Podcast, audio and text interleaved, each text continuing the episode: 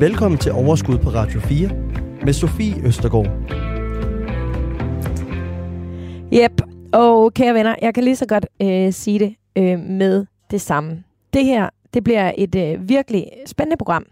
Det er et vigtigt program. Det er noget, som jeg ved øh, rigtig mange er interesseret i at høre noget om, men det er også et program, hvor vores hjerner, i særdeleshed min egen, øh, godt kan slå, slå nogle øh, knuder øh, og blive en smule forvirret. Så det er med at holde tungen lige i munden, og det kan potentielt være et af de programmer, som jeg ved, vi har lavet nogle få af, hvor det er en god idé at lytte til det to, tre, fire, fem eller hele seks gange. Sådan har det i hvert fald, øh, har jeg hørt fra nogle af jer, der lytter med, været med nogle af vores tidligere øh, programmer. Men det er jo også det, der er så vidunderligt for alle vores programmer. Dem kan du altså finde som øh, podcast, så du kan lytte til dem alle de gange, du overhovedet har lyst til. Og måske er der nogen, der skal prikkes på skulderen og lige øh, have et lille fif om at lytte med. I dag, der skal det handle om CVR-numre. Det skal handle om virksomhedsordning. Det skal handle om selskaber.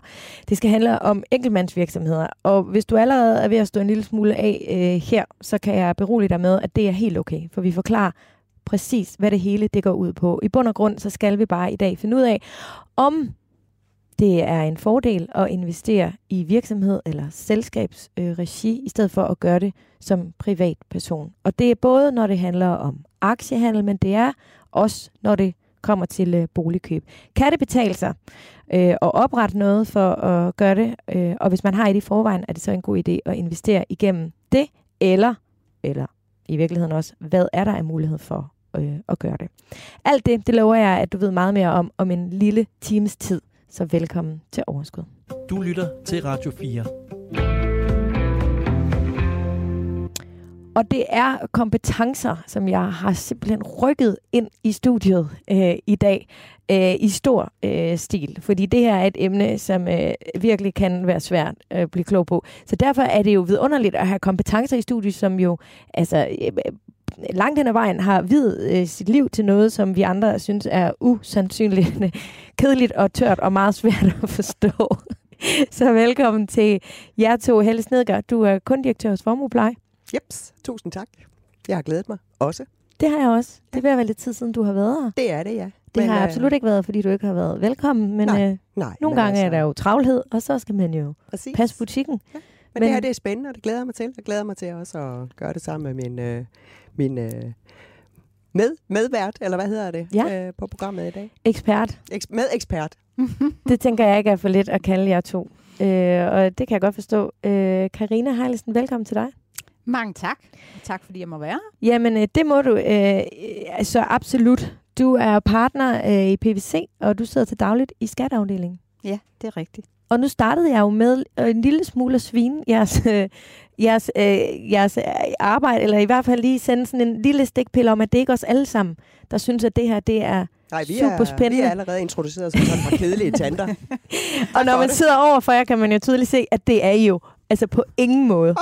Men Karina, er det lidt en fordom, du kan møde nogle gange, det her med, at altså, åh, du sidder i skatteafdelingen, altså... Er det, ikke så, det er ikke så tit, jeg møder komplimentet, at øh, når du er en skattepige, øh, så sidder du til middagsselskabet, så kan man ret hurtigt vende sig om til sidemanden og snakke med ham henne i stedet for. Men øh, så må man jo gøre det interessant på en anden måde. Og det er jo det, I kan. Det er jo, det er jo, det er jo sådan nogle typer som jer, der rent faktisk kan gøre det her spændende og interessant. Fordi om vi vil det eller ej, så er det jo altså helt absurd vigtigt, at vi tænker de her ting ind, uanset hvad vi har tænkt os at investere i. Altså uanset om vi ikke investerer, så er der jo en årsopgørelse, der er noget, altså alle de her ting, som jo kan gå hen og koste os mange penge, hvis der er nogle ting, vi glemmer at få puttet på. Ikke Øhm, bare koster os penge, men der er også rigtig meget at hente ved at optimere. Altså at agere optimalt mm. i, øh, i alle sammenhænge. Både på omkostninger, men også optimere på baggrund af skat. Ja. Så derfor er det vigtigt. Så Karina, hvad sidder du med øh, til daglig? Jamen, øh, jeg sidder faktisk med rådgivning af både privatpersoner, selvstændige erhvervsdrivende og selskaber, og det har jeg gjort i mere end 25 år, selvom man ikke skal røbe sin alder. Så kan man begynde at regne tilbage. Mm. Så du har efterhånden styr på det? Øh, det er der i hvert fald nogen, der siger. Men det, der er med, med, med det her øh, område, øh, og en af grundene til, at vi helt almindelige øh, mennesker, vi bliver sat af, det er jo, at det ændrer sig. Altså hvis man så bare, du ved, kunne sætte sig ind i skattereglerne øh, og, og satser og, og tal og alt det her i år, og så ligesom sige, okay, jamen, så går der i hvert fald 5-10 år, før jeg sådan behøver at sætte mig ind i det igen. Altså, er det en af grundene til, at du efter over 25 år stadigvæk også synes, det er interessant at øh, det er det helt klart. Det er selvfølgelig en del af det er, at det faktisk er relevant for os alle sammen. Uanset om man er lønmodtager, selvstændig erhvervsdrivende eller har et selskab. Men så er det også, fordi det er brændspændende, siger skattenørden. Fordi reglerne bliver hele tiden ændret, og der er hele tiden noget, jeg skal sætte mig ind i og være klar til at rådgive om. Ja. Hvordan endte I to? Altså, hvordan, okay, hvordan endte du... Øh, hvordan, hvor, altså, er det noget, du Jamen, drømte du om det som lille... Da jeg læste jura på universitetet, der fandt jeg ud af, at jeg faktisk havde flere for skatteret. Øh, det var et af de fag, der gik rigtig godt, og så opstod der automatisk sådan en kærlighedsforhold. Ja. Og det har jeg holdt ved lige siden. Sådan er det jo tit det, man har flere for, det er jo faktisk også det, man lidt forelsker sig i. Ja, Præcis. Kan. Jeg læste uh, Kan Mærke Jord på Handelshøjskolen, og uh, der var skat jo en, uh, en vigtig del af det. Og så har jeg jo arbejdet med, uh, med rådgivning af både privatpersoner og, og selskabsinvestorer uh, siden da. Og der er skat bare en kæmpe stor del af rådgivningsområdet, så derfor så uh, det kommer helt af sig selv. Mm. Og det er spændende. Og ja, som du siger, det er ikke sådan, at uh, når du har læst bogen, så kan du det hele, fordi mm. nu, vi, vi er jo lige midt uh, i en valgperiode i mm. øjeblikket, og det vil sige, lige om lidt, uanset næsten hvad der sker, så vil der komme nye regler, fordi så er der nye idéer til, hvordan øh, fordelingspolitikken i, verden, øh, i Danmark skal være. Og derunder også, øh, hvem, skal, hvem skal aflevere mere eller mindre, og hvem skal have mere og mindre. Og der er skat jo det vigtigste instrument. Hmm. Jeg øh, har jo en, øh, vi har jo voldsomt mange øh, kompetente og øh, søde, kloge øh, lyttere på det her program, og vi har en Facebook-gruppe, hvor vi har øh, lige 12.000 medlemmer, som både kommer med gode øh, øh, spørgsmål, øh, kommentarer og øh, alt muligt øh, dejligt derinde. Der er også gode fifs, og når, når der er nogen, der kommer med spørgsmål, så er der også altid gode svar øh, at hente. Øhm, og Martin Brun, han har sendt en kommentar, som jeg gerne vil øh, læse op for jer. Jeg synes, du skal have en revisor eller anden skatteekspert med i det program. For der er mange indgroede holdninger til dette, og for mange og for mange, der ikke forstår problemstillingen, som udtaler sig om dette på for eksempel sociale medier. Så sørg nu for at få en faglig, kompetent ekspert på banen. Det synes jeg simpelthen er et fantastisk, øh, øh, en fantastisk kommentar, fordi mm. vi får jo rigtig meget god erfadeling inde på de forskellige forer, der efterhånden er opstået på Facebook og på nettet og forskellige øh, øh, klubber og, og så videre, man kan være en del af. Men det man altid skal huske, det er jo, at det er farvet af den pågældende. Det kan være enkelte personer, der giver deres personlige holdning øh, til kende, og det er ikke nødvendigvis øh, ensbetydende med, at det er 100% rigtigt, eller, eller den eneste vej til sandheden. Fordi realiteten er jo også omkring det, vi skal tale om i dag. Der er meget sjældent én vej.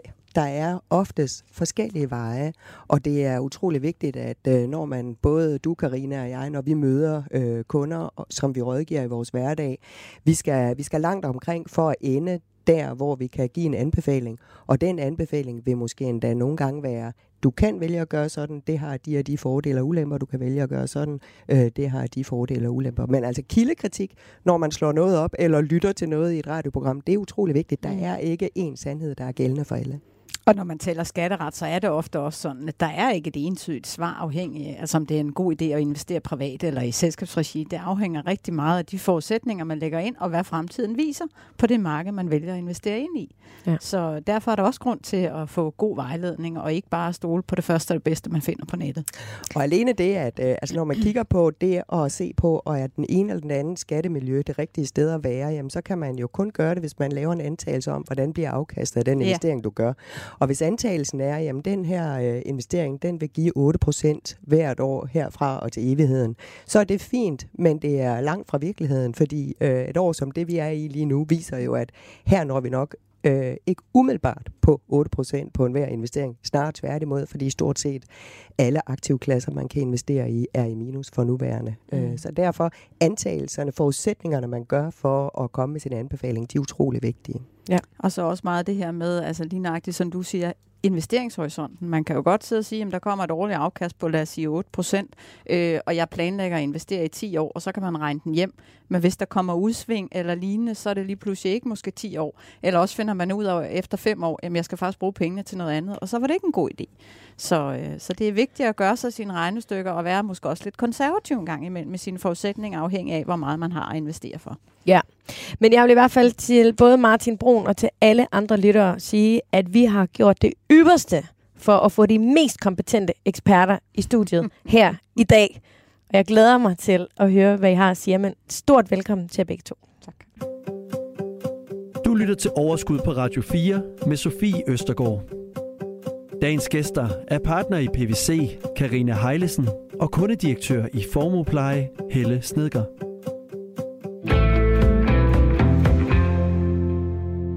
Godt. Og det, jeg synes, vi skal starte med, det er fuldstændig fra bunden af. Det er der, jeg tit kan lide at starte i det her programmer. Øh, og det er altså, hvad er alternativet til at være privat? Forstår I, forstår I spørgsmålet? Fordi ja. der er noget, der hedder CVR-nummer. Vi har også været omkring, der er enkeltmandsvirksomhed, der er virksomhedsordningen, så kan man have et APS-selskab, og der er garanteret mm, flere, som, øh, ja. Så skal vi starte der. Øhm, Ja, Carina. det synes jeg faktisk er en rigtig god idé lige at få definitionerne på plads, Ja. fordi tit så sondrer man, eller hører man, at man sondrer imellem at investere via et CVR-nummer eller et CPR-nummer. Ja. Øh, og CPR-nummer, det er jo det, vi har som individer alle sammen, og CVR-nummer, det kan man både få, hvis man etablerer en enkeltmandsvirksomhed, altså en selvstændig erhvervsvirksomhed, eller hvis man stifter et aktieselskab eller anpartsselskab. Og et øh, aktieselskab, ved vi, hvad er, og så et anpartsselskab, det er jo ja. så det, vi kalder for et APS ja. også. Mm. Og forskellen på de to, det er jo øh, i bund og grund alene minimumskapitalen. At anpartsselskabet skal stiftes med 40.000, og aktieselskabet skal stiftes med minimum 400.000. Men når vi taler beskatning i, øh, i CVR-nummer-regi, hvor det enten er en enkeltmandsvirksomhed, eller det er et øh, selskab, jamen som enkeltmandsvirksomheden, der er udgangspunktet faktisk, at beskatning er ikke anderledes, end hvis du investerede fra privat regi. Du kan så vælge at bruge virksomhedsskatteordningen, som er en særlig skatteordning for erhvervsdrivende, hvor man betaler en forløbig skat på 22 procent. Ligesom selskabsskatteprocenten for et selskab faktisk er på 22 procent. Men det er vigtigt at notere sig, at det er en forløbig beskatning på 22 procent. Så hvis man tager pengene ud af virksomhedsordningen til bøffer og rødvin, eller fordi man vil investere i nogle aktiver, man ikke kan investere for, i, i virksomhedsordningen, jamen, så skal man betale differencen op til personlig indkomstskat, som lander i øh, effektiv skatteprocent omkring de 55 procent. Så lad mig lige spørge ind. Så hvis jeg har et enkeltmands øh, virksomhed, jeg har et Mm. CVR-nummer, og lad os sige, at jeg tjener 100.000 kroner på et år i den her øh, øh, i, i enkeltmandsvirksomheden. Ikke? Mm-hmm. Så når året er omme, så betaler jeg 22 procent Ja. af de 100.000. Det gør du Hvis, hvis, jeg ikke, hvis jeg nu for eksempel var heldig at få løn et andet sted fra, Mm. som jeg kunne leve af, Ja. så kunne jeg lade pengene stå inde i virksomheden. Det er korrekt. Og det er ligesom det, der gør forskellen. Ja. Jeg kan også vælge at betale løn derfra hver måned. Differencen op, det er ikke løn for virksomhedsordningen, fordi man er selvstændig erhvervsdrivende, men, Okay. men resultatet bliver det samme. Det bliver personlige indkomster, og du ender på det, der svarer til en lønbeskatning. Som jo er individuelt for os alle sammen. Ja. Alt efter hvilken trækprocent. Om du ja. er på topskatteniveau Ja. ja. eller ej, ikke? Men, men generelt, hvis du betaler topskat, jamen, så rammer du de her cirka 55 procent. Øh, men det, der er vigtigt, når man skal ind og investere i et CVR-nummer, Mm. så kan man jo godt tænke, "Nå, men så investerer jeg bare i virksomhedsordningen, så behøver jeg ikke at stifte et selskab. Men i virksomhedsordningen, der er nogle ret strikse regler for, hvad man kan investere i. Så der kan man ikke investere i alle de produkter, som Helle for eksempel i Formopleje gerne vil, vil tilbyde, fordi du kan ikke investere i øh, aktier normalt, Mm. mm. øh, børsnoterede, unoterede aktier, øh, og det er heller ikke alle investeringsforeninger, du kan investere i i virksomhedsordningen. Okay, og det vender vi tilbage til. Men der er nogle ting ved en enkeltmandsvirksomhed, som gør, at der ikke er frit på alle hylder, hvis man Ja. vil det. Ja. Hvorfor skulle man lave en øh, enkeltmandsvirksomhed øh, virksomhed i stedet for at få udbetalt løn som lønmodtager? Jamen det kan jo, altså hvis du har, er lønmodtager, så kan du ikke have en enkeltmandsvirksomhed. Hvis du er ansat i en virksomhed, så er det løn. Men du kan jo godt som selvstændig erhvervsdrivende, hvis du har en øh, frisørsalon, eller en købmandsforretning, eller en, en tømmervirksomhed, jamen så kan du godt, så etablerer du en enkeltmandsvirksomhed, og så kan du vælge at bruge virksomhedsordningen. Hvis ikke du skal have alle pengene ud til bøffer og rødvin, så er det jo en god idé, fordi der er en forløbig skat på de 22 procent, og det vil sige, Restbeløbet, Mm. det kan du investere, og alt efter hvad du investerer i, kan du opnå et større afkast, fordi du har et større proveny at investere ja. i. Okay. Og hvorfor skulle man så øh, vælge for eksempel et øh, anpartsselskab? Fordi det kan man vel også have som frisør. Ja, det kan man godt. Øh, og man kan sige, at virksomhedsskatteordningen er jo light-versionen, fordi det er i realiteten bare, at du indhegner en del af din økonomi og siger, at det her over mine erhvervsaktiviteter, de finder sted. Men i det øjeblik, at der ikke længere er ak- øh, erhvervsaktivitet, at frisørsalongen den øh, lukker, eller tandlægeklinikken lukker, eller, eller den øh, ejendom, du har investeret i, bliver solgt. I det øjeblik, at erhvervsvirksomheden den bortfalder, så bortfalder også de murer, du har muret op omkring det her, den her virksomhedsordning. Og det vil sige, per automatik, hvis der er samlet penge sammen inde i virksomhedsordningen, så er det, de kommer ud og bliver beskattet som personlig indkomst, fordi nu er der ikke længere mulighed for at opretholde den her begrænsning i forhold til den personlige indkomstbeskatning. Mm. Og det er noget af det, der er forskellen i forhold til, hvis du har drevet i selskabsregi. Fordi har du drevet i selskabsregi og har oparbejdet en formue der, så forsvinder, øh, kan man sige, indhegningen i forhold til din personlige økonomi ikke i det øjeblik, at frisørsalongen lukker. Der forbliver murer, så det vil sige, der forbliver du i et skattemiljø, hvor du har en 22 procents beskatning undervejs. Be- Men må, hvis jeg lige må supplere, men når du er i virksomhedsordning, og hvis du nu selv er frisørsalon, øh, så har du lidt tid til at sikre, at du kan holde din virksomhedsordning i live, så at sige, fordi du kan gå ud og købe en erhvervsejendom, for eksempel, eller lignende for provenyet, og så kan du holde liv i den udskudte skat, du har inde i virksomhedsordning. Men hvis ikke du gør noget, så er Helle fuldstændig ret, så kommer øh, restskatten til betaling. Ja, okay.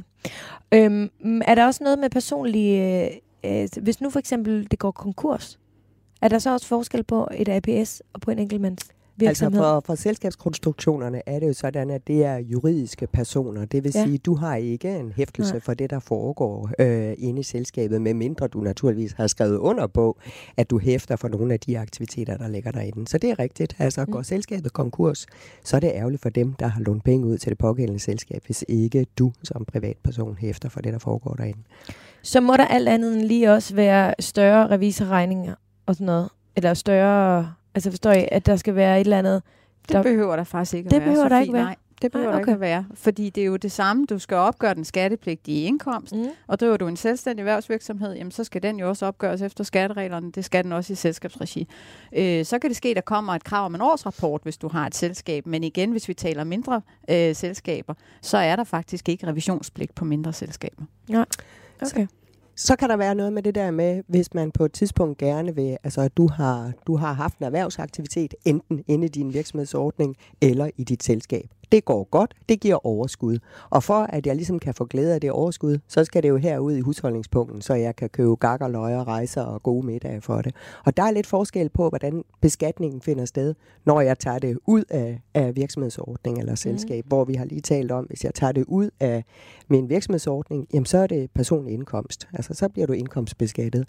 Hvorimod det, der foregår over i et selskab, der har du sådan set to veje ud. Enten at du at, at selskabet kan udbetale dig en løn, Ja. eller alternativt, når året er gået, og selskabet aflægger regnskab og siger, at det er bare gået rigtig godt, der er øh, et positivt resultat her, så kan nogle af pengene sendes ud til dig i form af udbytte. Mm. Så, så der, er, der er lidt forskellige... Øh, Hvor der er en lidt lavere beskatning.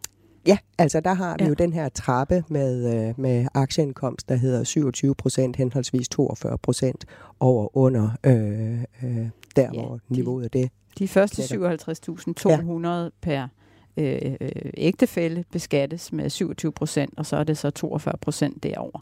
Så det er rigtig, Uanset hvad, hvad, hvad, hvad, hvad den private trækprocent i øvrigt Ja, er. Ja. det er det, fordi det er aktieindkomst. Ja. Øh, men når vi er ude over de 27 procent, øh, eller bundgrænsen, Ja. ja. så er der faktisk ikke forskel på som sådan, øh, afhængig af hvilken kommune du er, men så er det meget små forskel, der er på øh, den, den effektive skat, den totale skat. For det, det er jo et eller andet sted, det man politisk har forsøgt at, Mhm. mm. at, at nå frem til, at uanset hvor du har aktivitet henne, øh, så kan man sige, at til enden, så skal vi være ramt af samme beskatning, uanset hvordan du har gjort undervejs. Ja, man har ikke ønsket, at man skal sidde og spekulere i, om man får udbytte eller løn øh, fra sit selskab, Mhm. fordi der bliver en forskellig beskatning, så man har forsøgt at få en symmetri. og det med, øh, hvad man kan investere i, i de forskellige, du var lige kort ind på det, øh, Karina, det tager, går vi mere i dybden med øh, lidt senere, men øh, nu kan jeg godt tænke mig øh, lige at høre jer om, om I vil anbefale, at man oprettede en øh, virksomhed. Du lytter til Overskud på Radio 4 med Sofie Østergaard. Dagens gæster er partner i PVC, Karina Heilesen, og kundedirektør i Formopleje, Helle Snedger.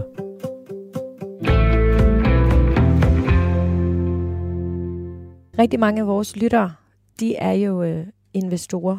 Nogen sådan starter det som lidt en hobby, hvor man lige skal snuse til det, men der er rigtig mange, der ligesom man bliver grebet af den der fornemmelse af selv at, selv at styre øh, øh, øh, hvad hedder det, investeringerne, og i det hele taget bare alt det, der følger med, hvor man får noget viden, og man, altså, det, det, rigtig mange synes, det er super fedt, men langt de fleste gør det også som privatpersoner. Mm. Kan det på noget tidspunkt give mening måske at oprette enten sådan en enkeltmandsvirksomhed, det ved jeg ikke, om man overhovedet kan, øh, eller et øh, anpartsselskab for eksempel, og investere igennem det?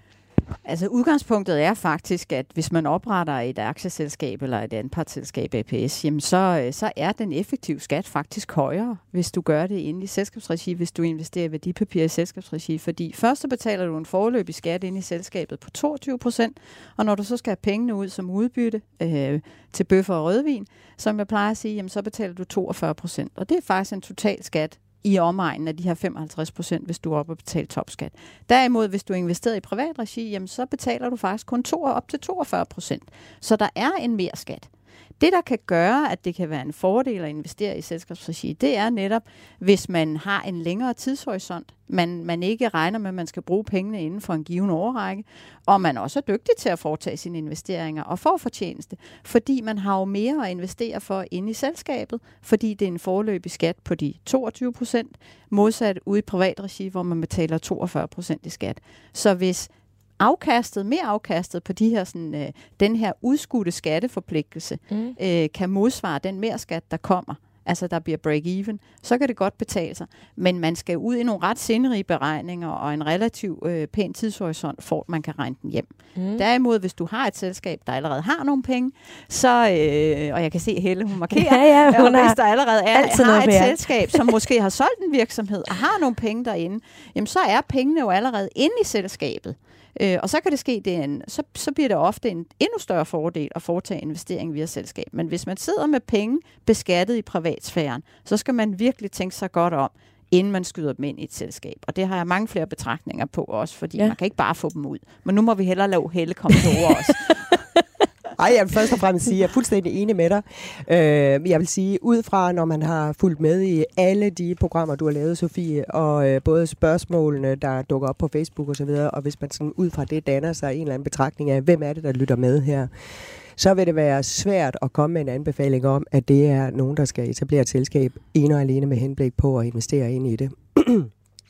Og så vil jeg også med det samme sige, uanset hvad vi sidder her og siger, der er aldrig et råd, der passer til alle. Mm. Øh, men der er i hvert fald nogle step, jeg vil anbefale, at man kiggede på, øh, inden at man begynder at etablere et selskab og investere i. Og det vil blandt andet være det her med, at vi har talt pension mange gange, og det vil jeg bare lige øh, bringe op igen, fordi der har vi også en løbende beskatning, men den hedder 15,3 procent i forhold til det, vi taler om inde i et selskab på 22 procent.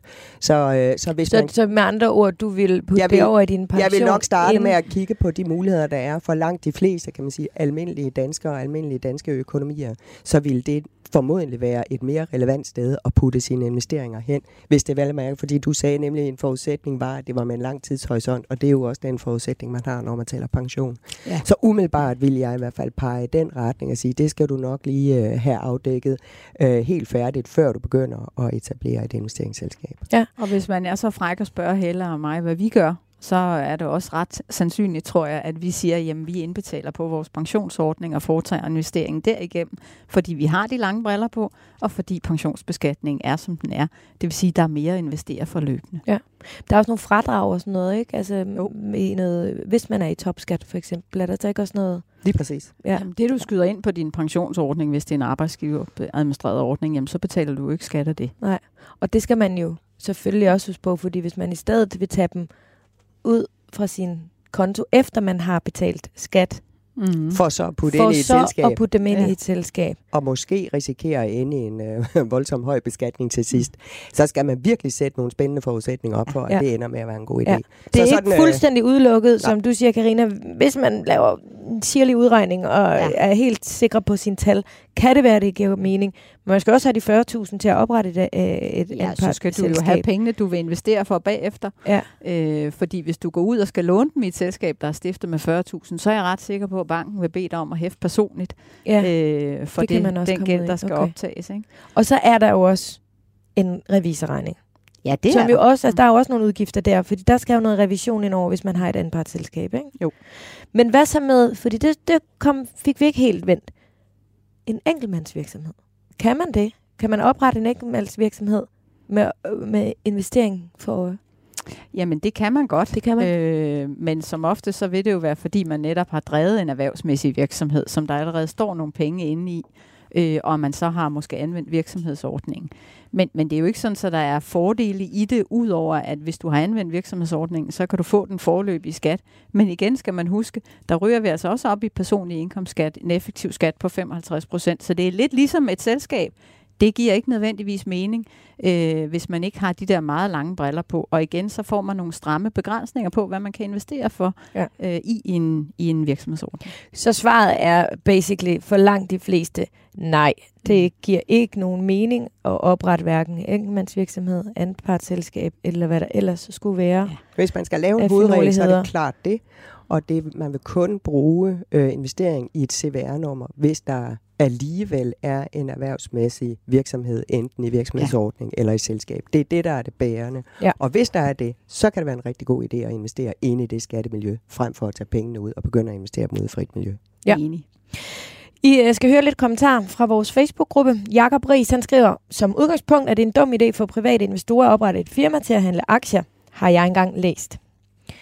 Jeg tror ikke, der er særlig mange i Danmark, hvor deres job er at investere penge og leve af det. De fleste har et arbejde eller et firma og investerer så i værdipapirer. Men der findes nogle folk, hvor det er deres reelle arbejde at købe og sælge aktier. Skal de tænke sig ekstra godt om? Jamen, det er jo noget af det, vi lige har været inde omkring, ikke? At, at, øh, at hvis man lever af at, øh, at investere i værdipapirer, så har man forhåbentlig en øh, professionel baggrund, eller at man i hvert fald får noget hjælp af nogen, ligesom inde ved Helle i formuepleje, som har forstand på markedet. Mm. Fordi det er jo ikke sådan bare, det, det er jo også en jungle at bevæge sig ind på. Og så skal man jo være opmærksom på nogle af de ting, vi lige har talt om, at hvis man etablerer et selskab, som Jakob også er inde på, jamen så er der ulemper ved det, hvis Ja. man skyder penge ind, hvis man ikke allerede har penge i Men selskabsregi. lad os nu sige, der sidder øh, en af vores lyttere derude og daytrader, og det går sindssygt godt. Vil det så på lige præcis der, vil det så være en god idé for hende? Nej, det vil jeg Godt. ikke umiddelbart Super. sige. Igen, fordi vi har ikke pengene inde i selskabet Nej. allerede. Peter Black Hansen han skriver, jeg har tænkt over at starte et holdingselskab og et APS. APS'et skal investere i aktier og ejendom. Overskud placerer i holdingselskabet, så der ikke skal betales skat, før pengene bliver trukket ud. Ja. Og, og det, er Der skal vi måske lige sætte øh, ord på, hvad et holdingselskab er. det er, øh, man kan jo lave en struktur, hvor man starter med at stifte et selskab. Og det bliver så et holdingselskab, og så bagefter så stifter man et datterselskab nedenunder. Mm. Og det kunne for eksempel gå ud og investere i en erhvervsejendom.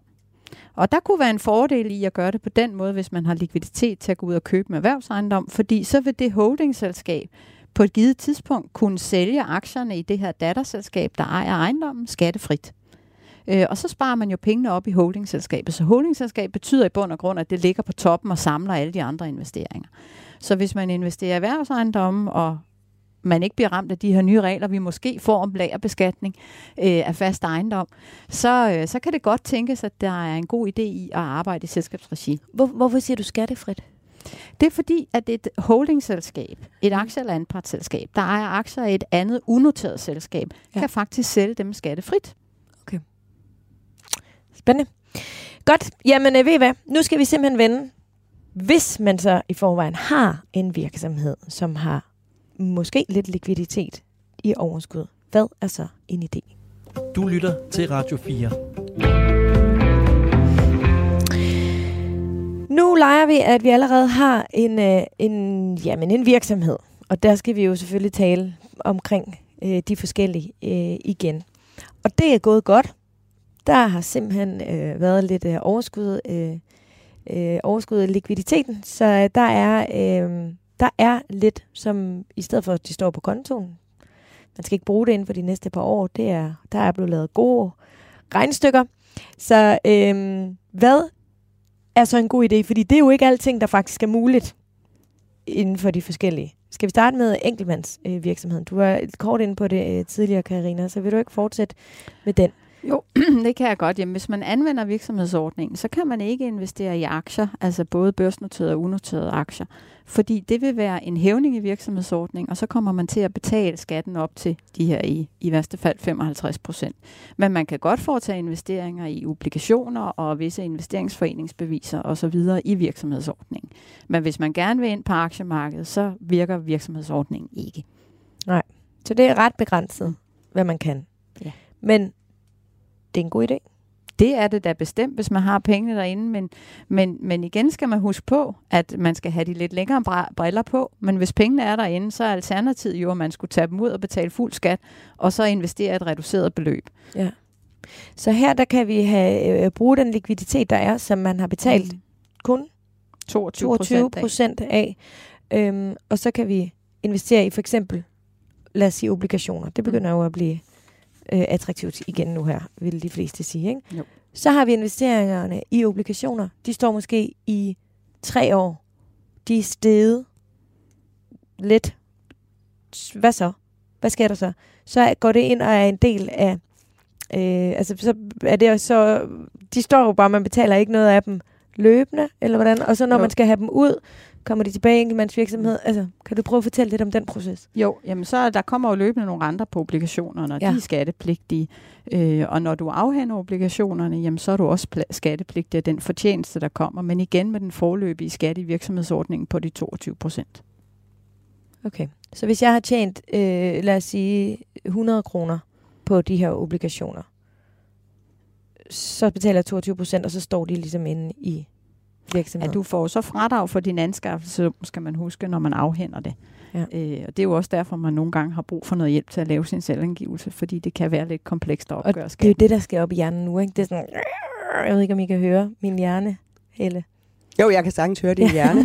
så lad os øh, skynde os videre. Altså for det første, så vil jeg sige, når man driver øh, øh, virksomhed i virksomhedsordningen, så har man jo muligheden for hvert år, når året er gået, så kan man indbetale op til 30 procent på en øh, pensionsordning af det overskud, man har skabt i virksomhedsordningen. Og det kan i den her sammenhæng mm. godt være en god idé at, at lave som mellemlanding, i stedet for kun at tænke over, om man kan tage penge ud af det frie miljø.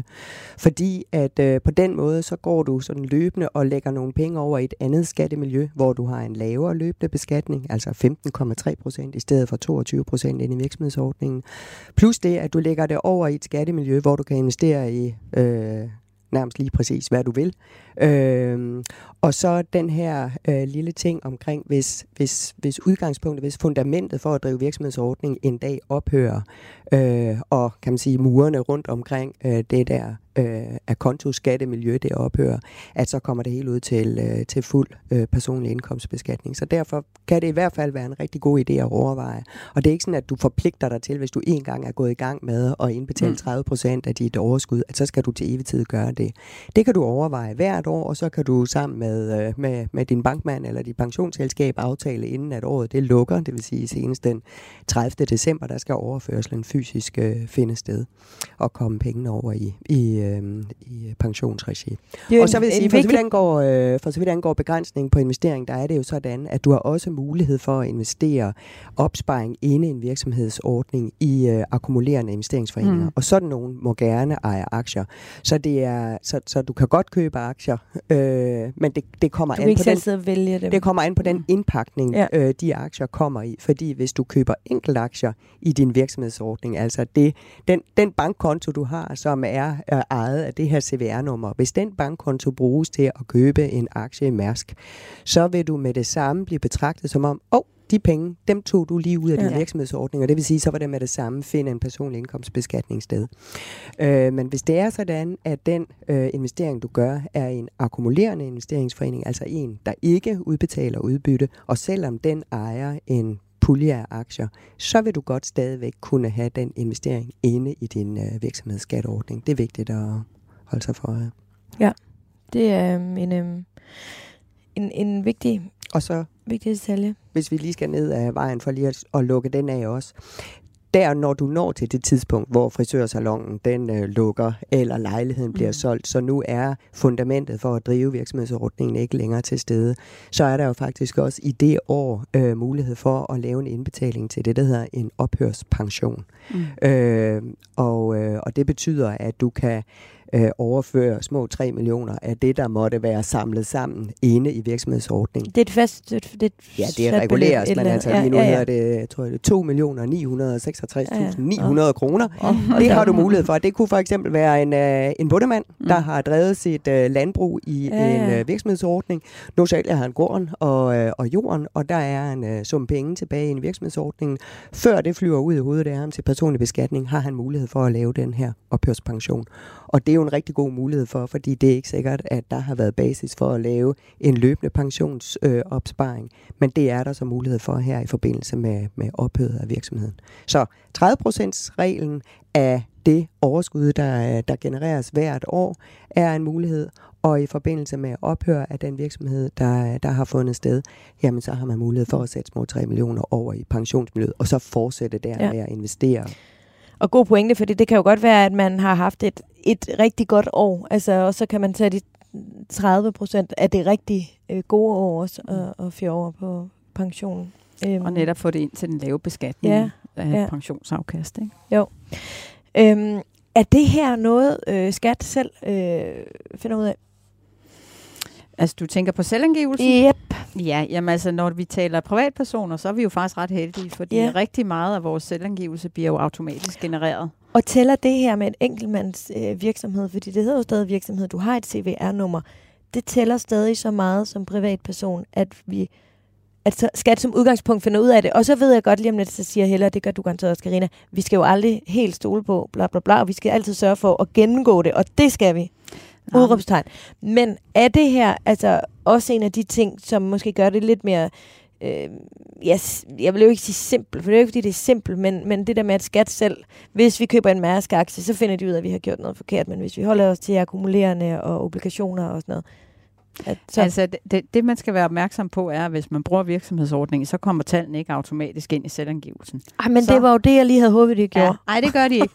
Og det er også derfor, det ikke nødvendigvis er billigere at have en enkeltmandsvirksomhed hos Øh, revisor, altså. end at have et selskab. Fordi der, hvor det kommer ind automatisk, det er som privatperson. Så hvis Okay. du er ude, daytraderen, der handler privat, Ja. og hvis han kun handler på øh, de danske markeder, altså danske værdipapirer, har dem i dansk depot, så Ja. kommer der automatisk ind. Men hvis han begynder at bevæge sig ud på udlandet, så skal han også passe på, fordi så skal han faktisk selv angive købet. Ja. Og hvis han ikke gør det, så får han ikke fradrag for anskaffelsessum, og han får ikke fradrag for tab. Når du taler selvstændige erhvervsdrivende og øh, selskaber, så bliver der ikke genereret en, en, øh, et udkast til en selvangivelse automatisk. Der skal man selv ind og udarbejde den og opgøre gevinst og tab på de forskellige investeringer og erhvervsvirksomhed, man har. Og der er det, at man tit er nødt til at spørge en god ven om hjælp. Yep, dejligt. Jeg synes faktisk, man skulle spørge en revisor. ja, ja, ja. Tak. Nå, Nej, men det er faktisk helt seriøst. Ja, men det synes det jeg faktisk jeg lige, godt. vi skal huske at sige. Det er jeg- Fordi at, øh, der er nemlig en tendens til, at nogle gange, så, så synes man, at det er fint nok, og der er det vist noget med, at du har arbejdet i en bank engang, så det kan du lige hjælpe mig med. Mhm. Nej, det kan du ikke. Og, øh, og en revisor er lige præcis en rigtig god øh, rådgiver i den her sammenhæng, og selvom øh, de selvfølgelig skal have penge for det arbejde, de udfører ligesom alle andre, så kan de penge, så er de givet rigtig, rigtig godt ud, og deres øh, øh, viden er opdateret. Og det, Ja. og det, man nogle gange glemmer, når man sidder og laver sin selvangivelse, det er jo altså, at hvis man ikke får betalt det, man skal i skat, så kan det gå hen og blive rigtig, rigtig dyrt. Fordi Mm. som privatperson, der betaler du faktisk en dag-til-dag-rente af den restskat, der måtte komme. Og hvis du begynder, at en fejl bliver opdaget efter to år, så tæller det jo altså en dag-til-dag-rente, plus der kommer et procenttillæg. Det bliver rigtig, rigtig dyrt i sidste ende, og så kan det lige pludselig godt svare sig at have fået lidt hjælp til at lave selvangivelsen. Så tror jeg nok, vi lige fik løftet nogle pegefingre her, var? ja, det er dejligt. Det er dejligt, dejligt. Nå, men øhm, hvad så, hvis vi har et øh, anpartsselskab? Og øh, det kan være en, nu bruger vi frisør igen. Mm. Der er måske et par ansatte, og det er en, en mindre virksomhed, men det er faktisk gået ret godt. Øhm, hvad er der så af muligheder at investere i her? Jamen, der er jo øh, fri spilleplade, så at sige. Øh, du kan investere i øh, alle de værdipapirer, du gerne vil, inde i selskabsregi. Men, men det, som jeg nogle gange oplever, man glemmer, når man investerer i øh, i hvert fald noterede værdipapirer i selskabsregi, mm. det er, at de faktisk er lagerbeskattet. Og det betyder, at man tager værdiudviklingen af de aktier, man har investeret i fra 1. januar i indkomståret, hvis det er der, det starter, og frem til 31. december. Og så skal man betale skat af den værdiudvikling med 22 procent, uanset om man har købt eller solgt øh, aktierne værdipapirerne. Og det kan jo godt give en likviditetsmæssig udfordring, fordi man jo netop ikke har fået noget salgsproveny ind. Så det skal man og også jo heller ikke er garanteret at få det. Øh, nej, øh, hvis du så lider et tab året efter, så ja. vil du få fradrag i dine, i din øvrige selskabsskattepligtige mm. indkomst. Mm. Så det er ikke sådan, så det er kildeartsbegrænset, ligesom det er, når du taler privatpersoner. Men nu bliver det nok lidt teknisk. Ikke? Men, øh, men, men der er bare nogle likviditetsmæssige udfordringer i at investere i noterede værdipapirer i et selskab. Men så kan man så ja. sige, at alternativet det vil være at tage pengene ud og så øh, investere privat. Og det der med at tage mm. pengene ud, det vil så som udgangspunkt oftest betyde, at så kommer du til at betale en eller anden skat, ja. som minimum 27 procent i udbytteskat. Så du har lige skåret 27 procent ud af det mm. lavkast, mm. du kunne sætte på arbejde i aktiemarkedet for at tage det ud, mm. og så blive underlagt realisationsbeskatning, altså ja. at du ikke længere betaler skat løbende. Mm. Så igen der, ja, det er rigtigt, det er uhensigtsmæssigt, men det er ikke sikkert, at alternativet er bedre. Det er jo igen et spørgsmål om, hvad er horisonten? Hvornår skal de ud til bøffer og rødvin? Mm. Mm. Linda øh, Klingenberg, det er mange, mange bøffer og rødvin. Det jeg skulle også kun, at de spiser nej, meget. Nej, jeg øh, synes, nu synes jeg, at vi skal stoppe med at sige bøffer og rødvin, fordi vi ved jo alle sammen, det med bøffer, det, det er snart oh, forbudt. Nej, det, det, er forbudt, det ja. synes jeg, vi stopper med lige nu. Gode grøntsager. Linda Klingenberg, hun spørger, er der forskel på at investere med en virksomhed, der har et helt andet formål, eller en virksomhed, der er oprettet til netop det formål? Øhm, vi har jo været inde over, om man skal oprette noget for at kun have det formål. Men er der nogle regler for, altså lad os nu sige, det er en frisør, eller lad os sige, det er en, der sælger øh, øh, computer, eller nogen, der gør rent.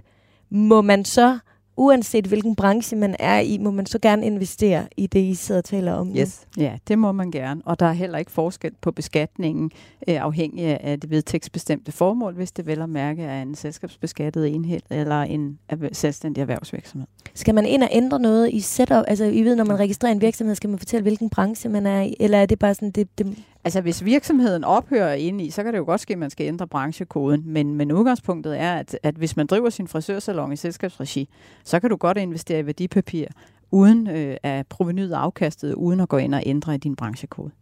Ja. Er der øh, mere, vi skal omkring i forhold til anpartsselskabet?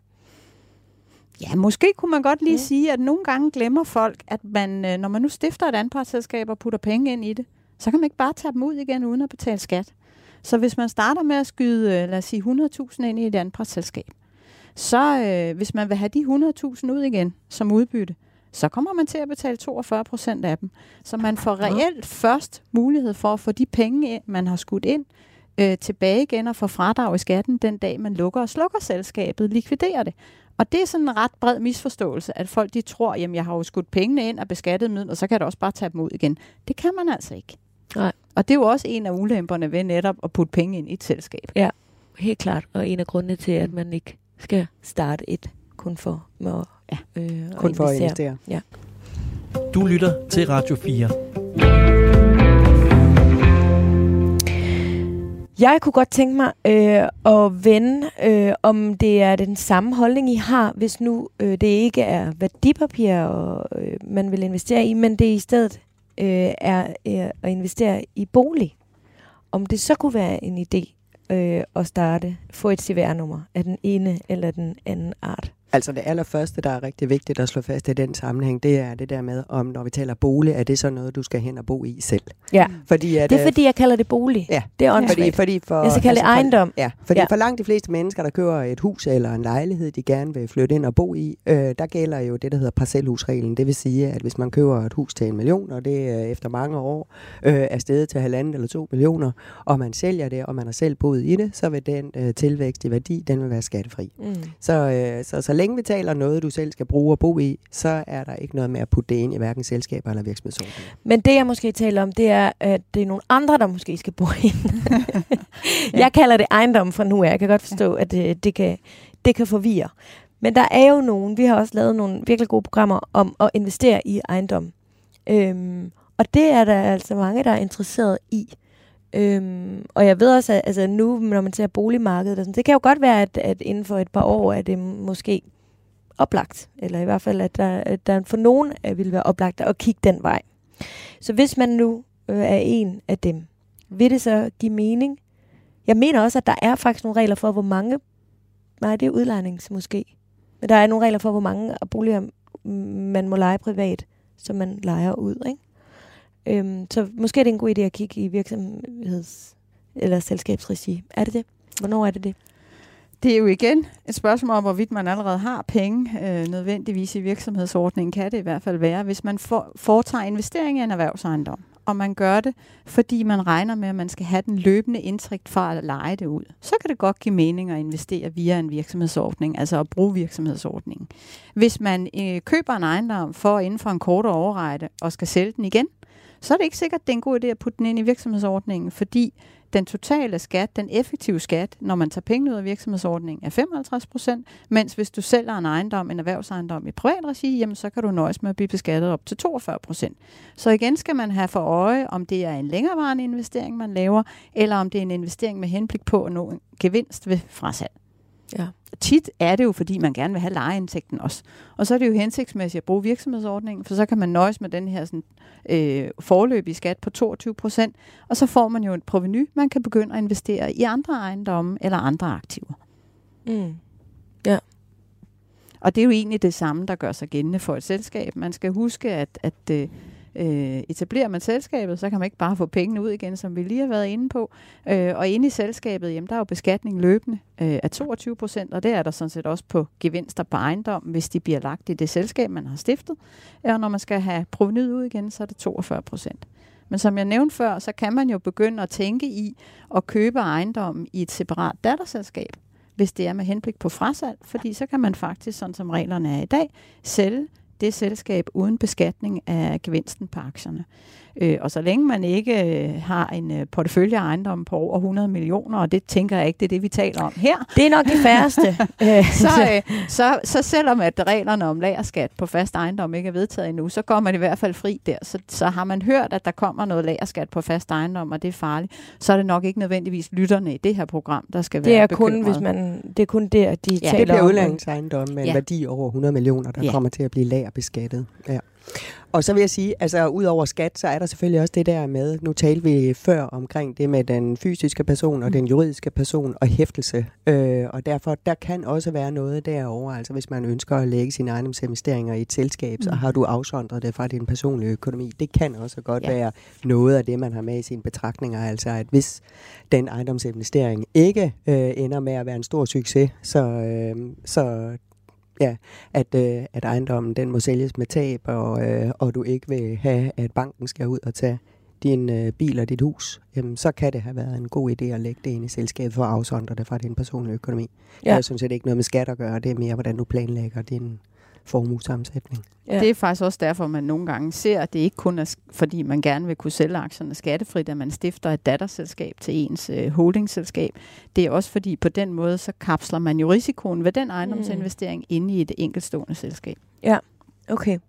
Så øhm, hvis man i forvejen har et øh, anpartsselskab, et APS, mm. så kunne det måske være løsningen at få stiftet et holdingselskab? Det har man måske allerede, fordi man har APS'et, og så kan man vælge at stifte et datterselskab. Ja, men hvis man ikke, der er jo nogen, de har også bare et APS-selskab, ikke? Mm-hmm.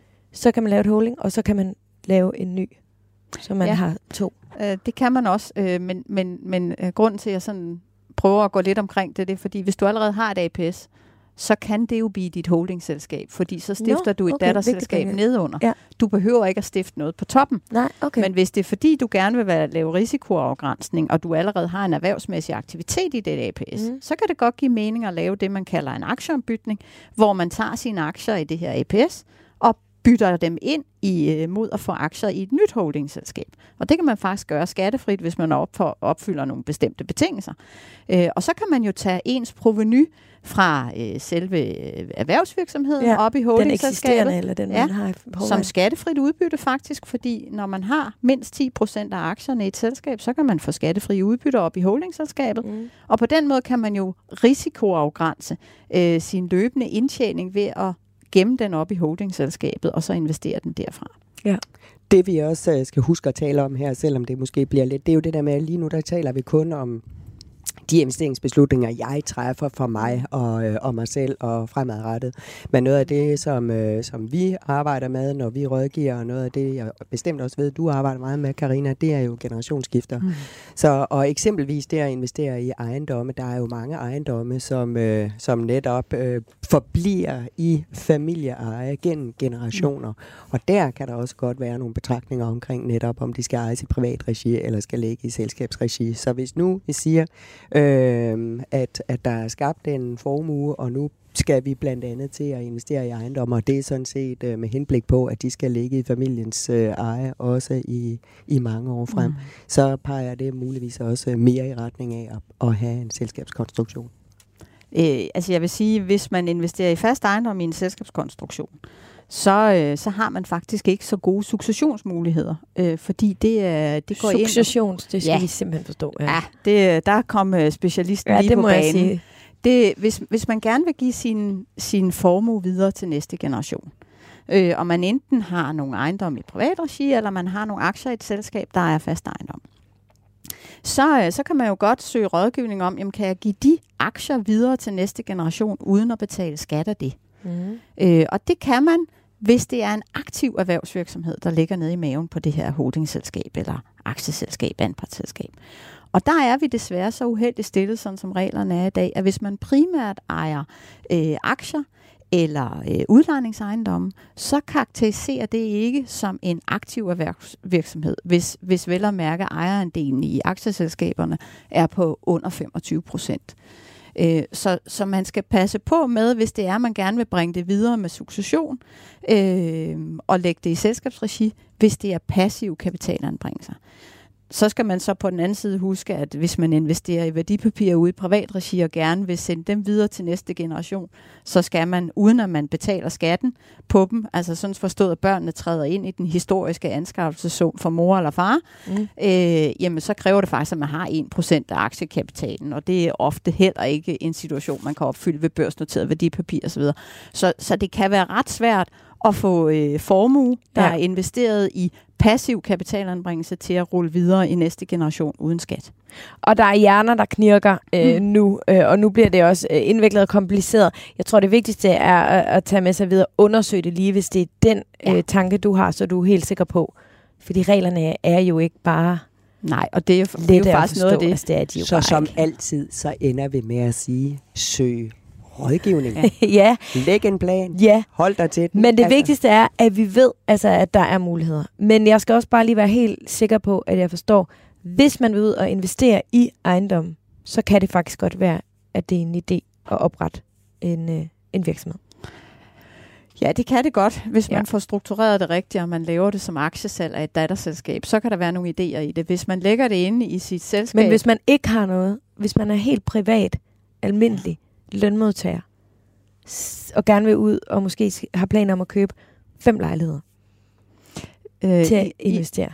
I, igen, hvis det er en investering, og man gerne vil have det løbende afkast osv., jamen, så skal man kigge på, at beskatning i privat regi er altså op til 42 procent, mens når man har gjort det i selskabsregi, og man ja. ender med at skal have pengene ud øh, i privatsformuesfæren, jamen så ender man jo med en effektiv skat på 55 procent.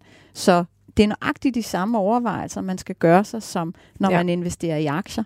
Men der kan være nogle, hvis man kan strukturere det ind i holdingselskaber med datterselskaber, og man kan foretage fratal af et datterselskab, så kan der være nogle gevinster at hente der. Men igen, så skal man jo op på en lidt større klinge og foretage en lidt større investering. Og så er ja. mellemlandingen jo, at øh, der er jo, man kan både købe øh, gøre ejendomsinvesteringer direkte. Det vil sige, at jeg køber en lejlighed mm. og begynder at lege den ud. Man kan jo også være ejendomsinvestor, fordi man kan se, at ejendomsmarkedet er et interessant sted at være indirekte. Det vil sige, mm. lidt ligesom før vi talte om investeringsforeninger, der er aktier, sådan er det jo også muligt at investere i porteføljer af ejendommen, så man får en større spredning, mm. hvis det er det, man... Øh, og der, der er det jo afhængigt af den konstruktion, man investerer i, mm. øh, som et aktieselskab for eksempel. Og, og det synes jeg faktisk er en super god pointe, Helle har der, fordi når man laver sine investeringer, så skal man jo netop tænke i at sprede sin risiko. Man skal ikke lægge alle æggene i en kurv. Sikkert et vidunderligt sted at stoppe, var? ikke alle æg, bøffer og rødvin i samme kurv. Vel? Nej. Nej. Ved I hvad? Tusind tak. Det var, øh, det synes jeg var virkelig spændende. Tak. Jeg er ja. utrolig glad for, at det var jer to, jeg inviteret ind. Det, var er altid en hyggeligt. dejlig følelse at have efter programmerne. Har I hygget jer? Ja, Mega. det har vi. Ja. Det er godt. Det er jeg rigtig glad for øh, at høre. Karina Heilersen fra PVC. Tak fordi du ville komme i dag. Tak fordi jeg måtte være. Og Helle Snedgaard fra Formopleje. Det var bare brandhyggeligt. Jeg glæder mig faktisk allerede til næste gang. Jamen, det Jeg er godt. håber, der kommer en.